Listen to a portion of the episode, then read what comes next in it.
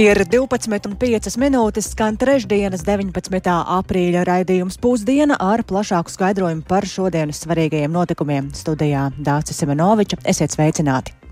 Un sākam ar šī brīža karstāko ziņu, ko tikko dzirdējām arī ziņās, kļuvis zināms, ka līdzinājais valsts prezidents Egils Levits kandidēs uz otro termiņu valsts pirmās personas amatā. Un tā viņš ir apliecinājis šodien pēc tikšanās ar ministru prezidentu Krišjāni Kariņu no jaunās vienotības. Kā to vērtē? To šobrīd vaicāsim Rīgas Stradiņu universitātes lektorei un politoloģei Lildai Metlai Rozentālai. Labdien! Labdien! Kā jūs teiktu, Levits paziņoja, ka kandidēs tāpēc, ka pēc eh, Nacionālās apvienības un jaunās vienotības solīta atbalsta būtu muļķīgi pašam nepiekrist, vai arī ir parādījušās nopietnas eh, indikācijas, ka Levits varētu saņemt eh, nepieciešamo atbalstu? Eh, nu, protams, ka ši, uz šo jautājumu precīzi ir ļoti grūti atbildēt. Es domāju, ka drīzāk eh, šeit ir jārunā par to, ka ja jau partijas viņu virzīja kā savu kandidātu, eh, tad es nedomāju, ka tas notika bez tādas nu, iepriekšējas saskaņošanas un ka šajā brīdī būtu lo, nu, vispār tāda īpaša loģika pieļaujama, ka viņš varētu teikt, nu, paldies, ka izvirzījāt, tomēr nekandidēšu. Ņemot vērā, ka viņš jau ir esošais prezidents. Nu, tas tomēr jau ir izdiskutēts vismaz iekšēji jautājums, un acīm redzot, bija paredzams, ka, ka viņš nu, piekritīs. E, tas, vai šobrīd viņam pietiek balsis, es domāju, ka diez vai mēs varam pārliecinoši par to atbildēt, bet katrā gadījumā šis lēmums liek tiem, kas vēl šaubās šajā gadījumā, es domāju, progresīvajiem, nu, darīt zinām kaut kādu savu, uh, gal beigās to redzējumu, vai tad viņi uh, atbalsta vienu nu, vai otru no esošajiem kandidātiem vai virza vēl kādu savu kandidātu. Jo tā nenoteiktība tagad par kandidātiem it kā nu, vismaz šiem diviem ir noņemta. Ir zināms, ka viņi abi būs, nu, un tad ir jāpozicionējas arī pārējiem politiskajiem spēkiem, nu, kāda ir viņu attieksme. Jā, tātad mums ir tie divi kandidāti, Egils Levits un Uldis Pīlēns. Kā jūs teikt, nu, šajā brīdī, kā izskatās, kuram ir lielāks izredzes? Eh, es teiktu, ka abiem pagaidām izredzes ir ļoti neskaidras, jo, um, ja mēs pieņemam, ka progresīvie izsaka atbalstu Levitkungam, kā it kā viņi netieši nu, kaut kādās sarunās ir uh, pauduši, ka viņiem ir simpātisks Levits kungs. Uh, tad tāpat mēs zinām matemātiski, ka divas, apmēram divas balsis, pat ja visi, nu, tātad, gan Nacionāla apvienība, gan vienotība nobalso par Levits kungu, divas balsis vismaz pietrūks līdz 51 balsī. Un tad ir jautājums, ja visi no opozīcijas ir ļoti skaidri pateikuši, ka viņi uh, nebalsos par Levits kungu, gan ZZS, gan Latvija pirmajā vietā, gan stabilitātei, tad rodas jautājums, jautājums, kur šīs divas un vai vispār šīs divas balsis var atrast. Viņas it kā ir maz vajadzīgas, bet uh, kur viņas ņemt? Vai, piemēram, kāds no apvienotā saraksta um, izstājas, nostājas pret savu kandidātu un nobalso par Levitu? Nu, šis ir ļoti tāds, uh, nu, jā, aktuāls jautājums. Un tieši tāpat no otras puses skatoties, protams, mēs redzam, ka arī uh, tātad Pīlēna kungam uh, ir šīs te, nu, potenciāli plus mīnus 50 balsis balsis. Uh, un atkal nu, ir tāds neliels balsu iztrūkums un ir jāsaprot, uh, nu, kas, kas būs tie, tad, kas, kas par viņu nodos šīs balss. Tā kā šobrīd abās pusēs tā matemātika nedod skaidru atbildi. Plus, protams, ka Jā. mums ir jā, jāsaprot, ka ja opozīcija ar to, es domāju, piemēram, Latvija pirmajā vietā balso par Levitu, par um, Pīlēnu kungu, kas patiesībā nav tāds viņu elektorāta prezidents, jo viņi vairāk pārstāv darba ņēmējus, savukārt Pīlēna kungs absolūti pārstāv darba devēju pusi. Tad jautājums ir, kāpēc viņi izdara šādu izvēli? Acīm redzot, tur ir kaut kāds apsolījums, jeb kaut kāds labums, kas tiek iemainīts pret šo balsojumu. Un, nu, šeit jau parādās risks par to, ko mēs nezinām, kas, mm -hmm. kas notiks pēc šāda scenārija. Bet, ja mēs runājam par vēl kādu kandidātu, tagad divi galvenie favorīti ir izteikuši savu gatavību kandidēt, vai mēs varam sagaidīt, ka pagaidām nu, tad arī vairāk neviena nebūs un tikai pēdējā brīdī, ja Pīlēnam vai Levitam neizdosies -hmm. nodrošināt nepieciešamo atbalstu, tad tikai tad parādīsies kāds trešais kandidāts? Tā mēs varam prognozēt, jo šobrīd izvirzīt kādu trešo nebūtu īsti jā, nu, pragmatiski. Jo, proti, ja partijas ir nosaukušas savus šīs te, nu, divi lielie partiju bloki, tad viņas ir pateikušas, ka viņas jebkurā gadījumā pirmajā kārtā balso par šo savu kandidātu. Tātad pat, ja tagad uh, progresīvie izvirza, piemēram, savu kandidātu, tad ir skaidrs, ka viņiem faktiski ir tikai uh, nu, progresīvo pašu balsis, cik tad, nu, tie deputāti ir. Vai attiecīgi, jo uh, ja visi pārējie spēlētāji jau ir nopozicionējušies, ja ar to es domāju, deputātus atbalstam kādam no esošajiem kandidātiem, nu vēl tāds nezināmais ir arī ZZS, kas līdz galam nav pateicis, bet atkal tas pats scenārijs. Pat ja viņi nosauc, tad jautājums, kur viņi dabū kaut vienu citu bez saviem partijas biedriem, kas šo kandidātu atbalsta. Līdz ar to zināmā mērā ir bezjēdzīgi šobrīd nosaukt vēl kādu citu, jo ir skaidrs, ka šie divi kandidāti uz pirmo kārtu tiks virzīti. Paldies, paldies politoloģijai Lildai Metlē Rozentālē par šo skaidrojumu un komentāru. Un noteikti šo tematu arī turpināsim plašāk analizēt raidījumā pēcpusdiena. Bet, lai nākamgad maijā Eiropas parlamenta vēlēšanās varētu nobalsot jebkurā iecirknī, jau tuvāko nedēļu laikā būs skaidrība, kam varētu uzticēt tam nepieciešamā vēlētāja reģistra uzturēšanu. To darīs vai nu valsts radio un televīzijas centrs vai arī kāds privāts komersants. Tā atklāja valsts kancelēs vadītājs Jānis Citskovskis. Vienlaikus saimas deputāti jaunadēļ arī skatīs likuma grozījumus, kas paredz šādu uzlabojumu Eiropas parlamenta vēlēšanās. Un plašāku skatību šajā jautājumā ieviesīs kolēģis Jānis. Jānis Kīncis, kurš šobrīd pievienojas tiešraidē. Sveiks, Jāni! Sveika, Dārts, sveicināti klausītāji. Pieminētais vēlētāju tiešsaistes reģistrs nav jāizgudro no, jāizgudro no jauna. To izmantoja piemēram 14. saimnes vēlēšanās pagājušajā gadā. Ar tā palīdzību vēlētājs nav piesaistīts kādam vienam konkrētam vēlēšanu iecirknim un savu pilsoņu pienākumu dalību vēlēšanās var īstenot tur, kur viņam ir ērtāk. Un šo sistēmu izstrādāja un uzstrādāja uzņēmums SOAR, pret kuru krimināla procesā turpinās izmeklēšana saistībā ar kādiem iepriekšējo vēlēšanu iepirkumiem. Tāpēc pašlaik tiek meklēts iespējas, kas šo centrālās vēlēšana komisijas rīcībā esošo sistēmu varētu pārņemt. Un realizējumās iespējas būtu divas. To varētu uzņemties Latvijas valsts radio un televīzijas centrs vai arī kāds privāts komersants. Kādu brīdi esot bijusi izsvērta arī trešā iespēja, ka gada laikā izveidot jaunu tiešsaistes vēlētāju reģistru, taču tas šobrīd gan vairs netiekot izskatīts. Paklausīsimies, ko par tiešsaistes reģistra iedzīvināšanu Eiropas parlamenta vēlēšanās pauda valsts kanclēs vadītājs Jānis Citskovskis. Es personīgi nepieļauju tādu domu, ka nu, mēs nedarbinām šo vēlētāju reģistru. Teicu, viņš ir izveidots. Informācijas sistēma ir pierādījusi saimnes vēlēšanās, ka ir sistēma darboties spējīga. Ir nepieciešams tehniskais atbalsts, lai vēlēšanu laikā mēs varam garantēt, ka sistēma darbosies bez uh, nu, nopietniem traucējumiem, lai vēlēšanas noritētu droši. Vienlaikus nākamgad maijā notiekošajās Eiropas parlamenta vēlēšanās būs jāiztiek bez kāda cita rīka - vēlēšanu vadības sistēmas, kas ļauj arī balsis saskaitīt ātrāk un automatizēti tās skenējot. Tas nozīmē, ka balsis Eiropas parlamenta vēlēšanās skaitīs um, manuāli, un tam, protams, vajadzēs vairāk, ilga, vairāk laika. Taču tas neradīšot nekādas papildu grūtības vai īpašas sarežģījumus, jo Eiropas parlamenta vēlēšanās aktivitāte ierasti ir salīdzinoši zemāka. Tā ir virs 30% aptuveni. Un tāpēc balsu skaitīšana ar rokām prasītu vien dažas papildu darba stundas vēlēšanu iecirkņos strādājošajiem. Tā to apliecināja Centrālās vēlēšana komisijas vadītāja Kristīna Saulīte. Paklausīsimies arī viņas teikto. Laime nelaimē, ka šī gadījumā tiešām būs tas laiks, tās balsis saskaitīt, un vēlētājs kā tāds, es domāju, nemaz netiks nekādā veidā ietekmēts par to, kad šie rezultāti parādīsies. Tā kā tiešām šobrīd mums ir laiks, paldies Dievam, ka tās ir Eiropas parlamenta vēlēšanas un nevis pašvaldību vai saimnes vēlēšanas. Vairāk saimnes valsts pārvaldes un pašvaldības komisijas deputāti uzsvēra, ka saistībā ar Eiropas parlamenta vēlēšanām prioritāte ir darboties spējīgs un izmantojams vēlētāju tiešsaistes reģistrs, ko pieminējām sākumā. Un, lai šis process uh, vēl vairāk neiekavētos, komisijas deputāti vienojās jaunadēļ sākt skatīt arī attiecīgos grozījumus Eiropas parlamenta vēlēšanu likumā. Un tie pieļaus arī plašākas iespējas iepriekšējai nobalsošanai. Un uh, vēl īsi piebildīšu, ka apspriešanā ir arī jautājums par centrālās vēlēšana komisijas kapacitāti un sadarbību ar kādām citām valsts pārvaldes institūcijām.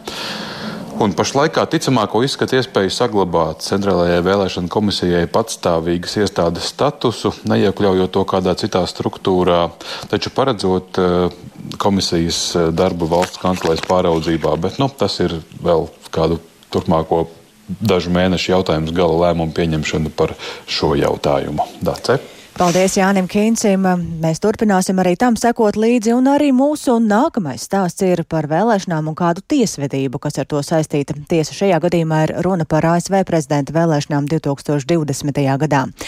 Amerikas Savienoto Valstu raidsabiedrība Fox News ir panākusi izlīguma vienošanos ar balsošanas tehnoloģiju uzņēmumu Dominion par 700 87,5 miljoniem ASV dolāru, jeb gandrīz 718 miljoniem eiro lietā par neslavas celšanu. Uzņēmums iesūdzēja Fox News tiesā apgalvojot, ka raidsabiedrība izplatīja melīgus apgalvojumus par krāpšanos ASV prezidenta vēlēšanās 2020. gadā. Tiesvedībai cieši sekoja līdzi, jo tā bija sava veida tests par to, cik tālu tad ir nosakāma vārda brīvība, apzināti pārraidot dezinformāciju. Plašāk par to stāsta Rihards Plūme.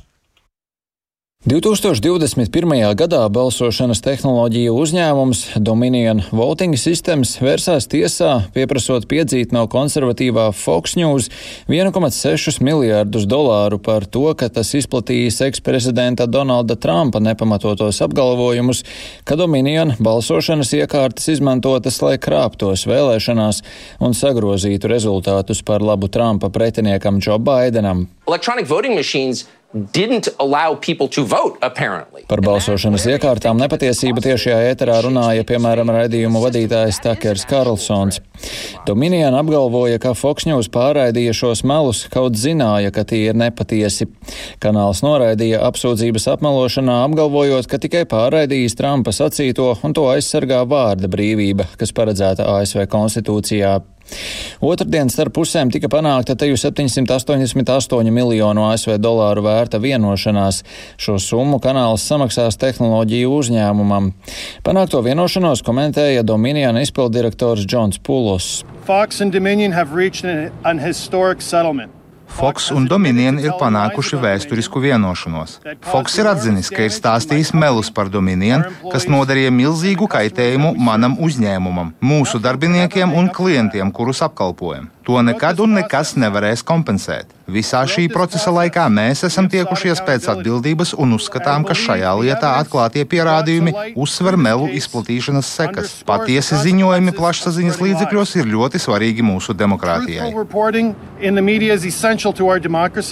Fox News paziņoja, ka priecājas par lietas izbeigšanu un piebilda, ka atzīst tiesas secinājumus, ka daži no apgalvojumiem par Dominion bijuši nepatiesi. Taču jāpiebilst, ka vienošanās neprasa prasa Fox News vadītājiem atvainoties ēterā vai atzīt nepatiesību izplatīšanu.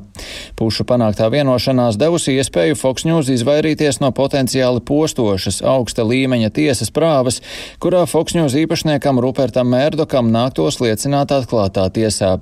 Šo iemeslu dēļ telekanāla CNN raidījumu vadītāja Alisina Kamerota, kura iepriekš 16 gadus strādāja Fox News, uzskata, ka izlīgums ir telekanāla uzvara. Neesmu pārsteigta par neko, tostarp par izlīgumu. Es jau sen paredzēju, ka izlīgums būs, jo Fox News nevēlas mazgāt savu netīro veļu atklātā tiesā. Es domāju, šī ir Fox uzvara. Viņiem nenāksies likt savas lielās zvaigznes uz skatuves, un viņiem pat nevajadzēs izplatīt publisku atvainošanos. Kad prasāta, vai viņi atzina, ka melojuši, atbilde ir nē. Viņi tieši nepasaka, ka melojuši. Es domāju, ka šis ir ir labākais iznākums, uz kādu Fox varēja cerēt.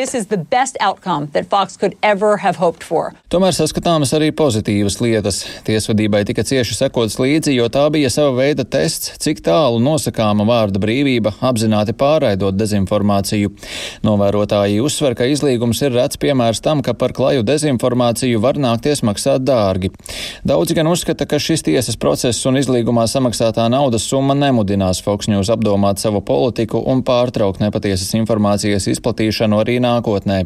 Vēl arī jāpiebilst, ka Fox News nedienas nebūtu nav beigušās, jo ar līdzīgām apsūdzībām tiesā pret telekanālu vērsusies vēl viena balsošanas tehnoloģiju kompānija Smartmatic. Rihards Plūme, Latvijas radio. Desmit tūkstoši eiro par piedalīšanos labdarības vakariņās, lai vāktu naudu palīdzībai Ukraiņiem. Šādu pasākumu šonadēļ savā vasarnīcā Jūrmalā organizē Jevgeņijs Čičvarkins. Ekscentrisks uzņēmējs, kurš jau 2008. gadā pametis Krieviju un ir viens no redzamākajiem prezidenta Vladimira Putina uh, opozicionāriem ārzemēs. Līdzīgas labdarības vakariņas Čičvarkins ar dzīves biedru Tatjanu paši gatavotami maltīti visiem jau rīkojuši arī Anglijā un Francijā, bet vai šī ideja izpelnījusies ievērību arī pie mums, Latvijas radio bija iespēja iztaujāt Čičvarkinu. У нас сейчас есть оплаченных и подтвержденных точно 10 человек. Šobrīd mums ir apmaksātas un apstiprinātas vakariņas desmit cilvēkiem. Mēs uzskatām tās par veiksmīgām, ja piedalīsies 12 līdz 20 cilvēki. Vairāk mums vienkārši vasarnīcā nav vietas. Jau diviem Latvijas fondiem katram ir pārskaitīti 20 tūkstoši eiro, un būs vēl. Man nav šaubu, ka gan Common Ground, gan tavi draugi katrs saņems 40 līdz 50 tūkstošus. Viesi paši izvēlas, kas viņiem ir tuvāk sirdī. Mēs naudu rokā nesaņemam, tikai iedodam šo fondu bankas kontus. Viesis pārskaita naudu un nāk ciemos pie mums. Latvijā ir gan vietējie, gan no Krievijas, gan nedaudz Ukraiņu. Pirmajās vakariņās Kabdējā, netālu no Monāko, galvenokārt piedalījās samērā turīgi Ukraiņi. Un jāteic, ka ziedotāju līdzekļi ir paredzēti ne tikai Latvijas sociālajām iniciatīvām Common Ground un tavi draugi, bet arī Ukraiņu karavīru atbalsta vienībai frontē, ko vada medicīnas voluntiere Tāta Keplere. Vairāk par jūrmālas vakariņām un arī Jevgeņa Čičvarkina motivāciju noteikti klausieties arī raidījumā pēcpusdiena. Tas, ka Daugavas baseina palūdeņi, sasniedzot oranžo brīdinājumu pakāpi šobrīd lēnām atkāpjas, nenozīmē, ka izzūd problēmas. Lai aprēķinātu zaudējumus un novērstu nodarītos postījumus, darbu netrūkst. Augšdaugavā ir izskaloti autoceļi, aplūduši sējumi, ūdens pārņēmis mājas un saimniecības ēkas, un vairāk par to, kāda tad ir šī brīža situācija Augšdaugavā, par to Silvijas Smagaras veidotajā ierakstā. Te bija viss zem ūdens. Tur bija viss zem ūdens. Jā. Tas vairs nav traki.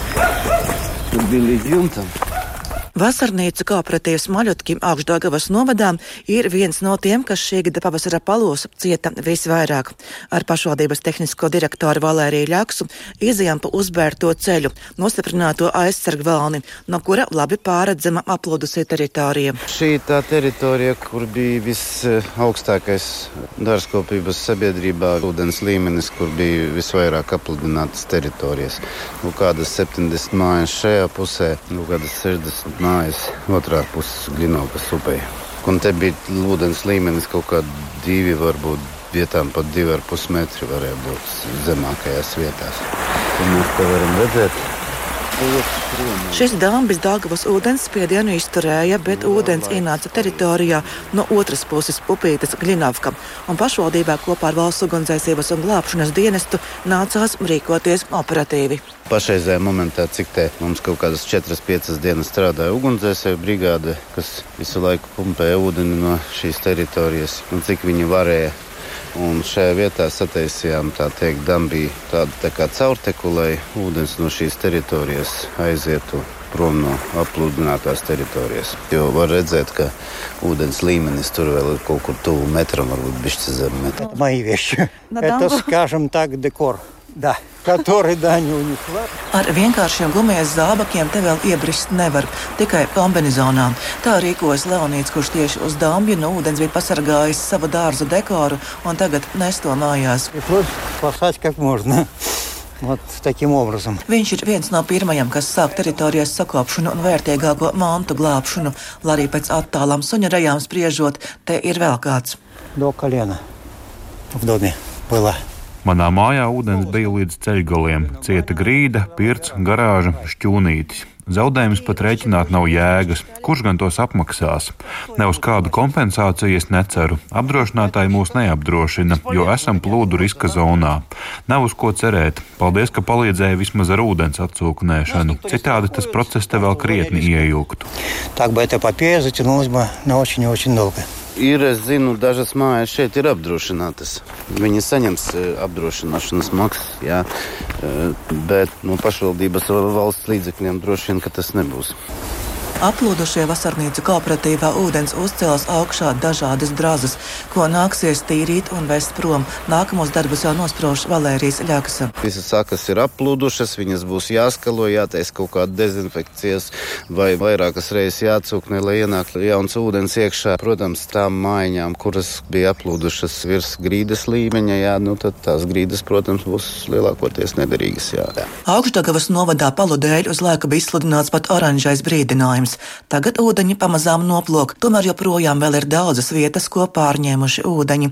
Situāciju kopumā analizē novada domas izpildirektors Pēteris Dzalbe. Leitecē Daugopils vēl ir aplūduši pašvaldības ceļi, aplūdušas ir arī Ļubistu vasarnīcas, tuvāk Mītgalei Dvietei, Tanī pusē vēl ir neizbraucami pašvaldības ceļi, kur jāsagaida nu, vismaz divas, trīs dienas, lai aizietu viss ūdens projām. Skolēni visi tiek pa sauszemi, šobrīd ar to viss ir kārtībā, jā, vairs laivas vai kaut kādu spēctehniku izmantot nevajag. Maksimāli ūdens atkāpsies pēc mūsu prognozēm, tā ir svētdiena, un pirmdien tad mēs varēsim novērtēt jau zaudējumu. Zem ūdens vēl ir simtiem hektāru ziemājumu. Kad tas noies, tad zaudējums varēs apjaust un rēķināt arī zemnieki.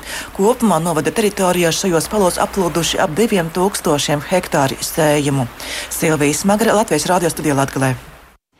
Un noslēgumā vēl par kādu skandalozu gadījumu basketbola pasaulē un to, ka uz izmeklēšanas laiku Latvijas Basketbola Savienība liegusi trenerim Andrim Steļmaham darbu ar jebkāda vecuma audzēkņiem, un tas saistīts ar sporta mediju MVP izgaismotajiem pārkāpumiem profesionālajā darbībā. Kā pauduši iesaistītie, viņš netiklībā ir pavedis vienu no savām nepilngadīgajām audzēknēm, darba laikā lietojis alkoholu, kā arī pārkāpis trenera uzvedības normas. Vairāk par to kolēģis Mārtiņš Kļāvs. Kļavinieks, kurš šobrīd pievienojas tiešraidē Sveiks Mātiņ! Sveika, Dārts, un sveika arī Latvijas radio pirmā kanāla klausītāji. Jā, nu par šo lietu tu jau pamatu izstāstīji arī Basketbola savienības, tā teikt, pusi un šķautni, bet īsumā par ko vispār ir stāsts. Tātad treneris Andris Steļmachs līdz šim strādā Jūrmālas sporta skolā, arī TTT Rīgas basketbola komandā, Latvijas sieviešu basketbola līgā, un jā, nu, pagājušajā nedēļā tieši medijā MVP parādījās šis raksts, kur izgaismoti dažādi fakti par viņa karjeru tiesa, runa ir par desmit gadu seniem notikumiem, par to ir jāpiebilst. Un eh, līdz šim par to neviens nebija ziņojis, un daudziem izrādās eh, šāda iespējamā trenera personības šķautne ir pārsteigums. Tātad eh, pavadināt um, par sevi divreiz jaunāku audzēkni, viņam to laik 28, audzēknei 14, kas beig beigās tomēr rezultējās pat ar kāzām, kad jau audzēkni bija sasniegusi pilngadību, bet dažādi arī citādi, citādi rakstura pārkāpumi. Nu, šobrīd um, par to ir sākts runāt, medijas to izgaismo izgaismoja. Pirmdien Latvijas Basketbola Savienība vērsās policijā ar iesniegumu. Policija arī apstiprina, ka tas ir saņemts. Nu, un, protams, ka nu, lieta joprojām ir uh, pietiekami neskaidra, jo uh, daudz fakti ir pausti tikai no vienas puses, un otras puses viedokli, proti, pašu treneru sacīto, pagaidām nav izdevies uzzināt. Droši vien pietiekami daudz jautājumu vēl šajā lietā, bet vai pats treneris joprojām strādā Jūrmālas sporta skolā? Jā, ļoti labs jautājums. Es tieši arī pirms eh, šīs pārraides sazinājos ar Jūrmalas sporta skolu, un tās vadītājs Sāns Bērziņš apstiprināja, ka um, uz izmeklēšanas laiku treneris ir atstādināts no saviem pienākumiem, bet izrādās, ka līdz šim, tāda līdz vakardienai, vēl eh, ša, savus pienākumus ir pildījis. Vakar vakarā bijusi vecāku sapulce, un tur nolēmts, ka tomēr ir jāspēr šāds solis, lai gan arī sporta skolas vadība sacīja, ka nekāda pretenzija pret treneru darbu līdz šim nav bijis. Un jāpiebilst, ka šovakar arī pirmā Latvijas sieviešu basketbola līgas fināla spēle, kur TTT Rīga komanda piedalās un Andris, Andris Steļmaks ir viens no šīs komandas treneriem. Latvijas Basketbola Savienības oficiāla vēstule līdz klubam vēl nesot atnākusi, ka treneris ir atstādināts no visiem, no visām basketbola sacensībām Latvijā, tāpēc, nu, protams, ka viņi, viņu uz treneru soliņa, ne, viņš tur nebūs šovakar, bet oficiāls dokuments vēl nesot saņemts. Paldies Mārtiņam Kļaviniekam, šo vairāk skaidrosim arī raidījumā pēcpusdiena, bet šobrīd izskan raidījums pusdiena. Tā producenta Ilze Agīnta ierakstus montēja Kaspars Groskops par labskaņu rūpējās Katarīna Bramberga un ar jums sarunājās Dārcis Semenoviča. Eterā mēs tiekamies atkal rīt, bet mūsu raidījumiem var sekot līdzi arī raidierakstu platformās un mūsu mobilajā lietotnē.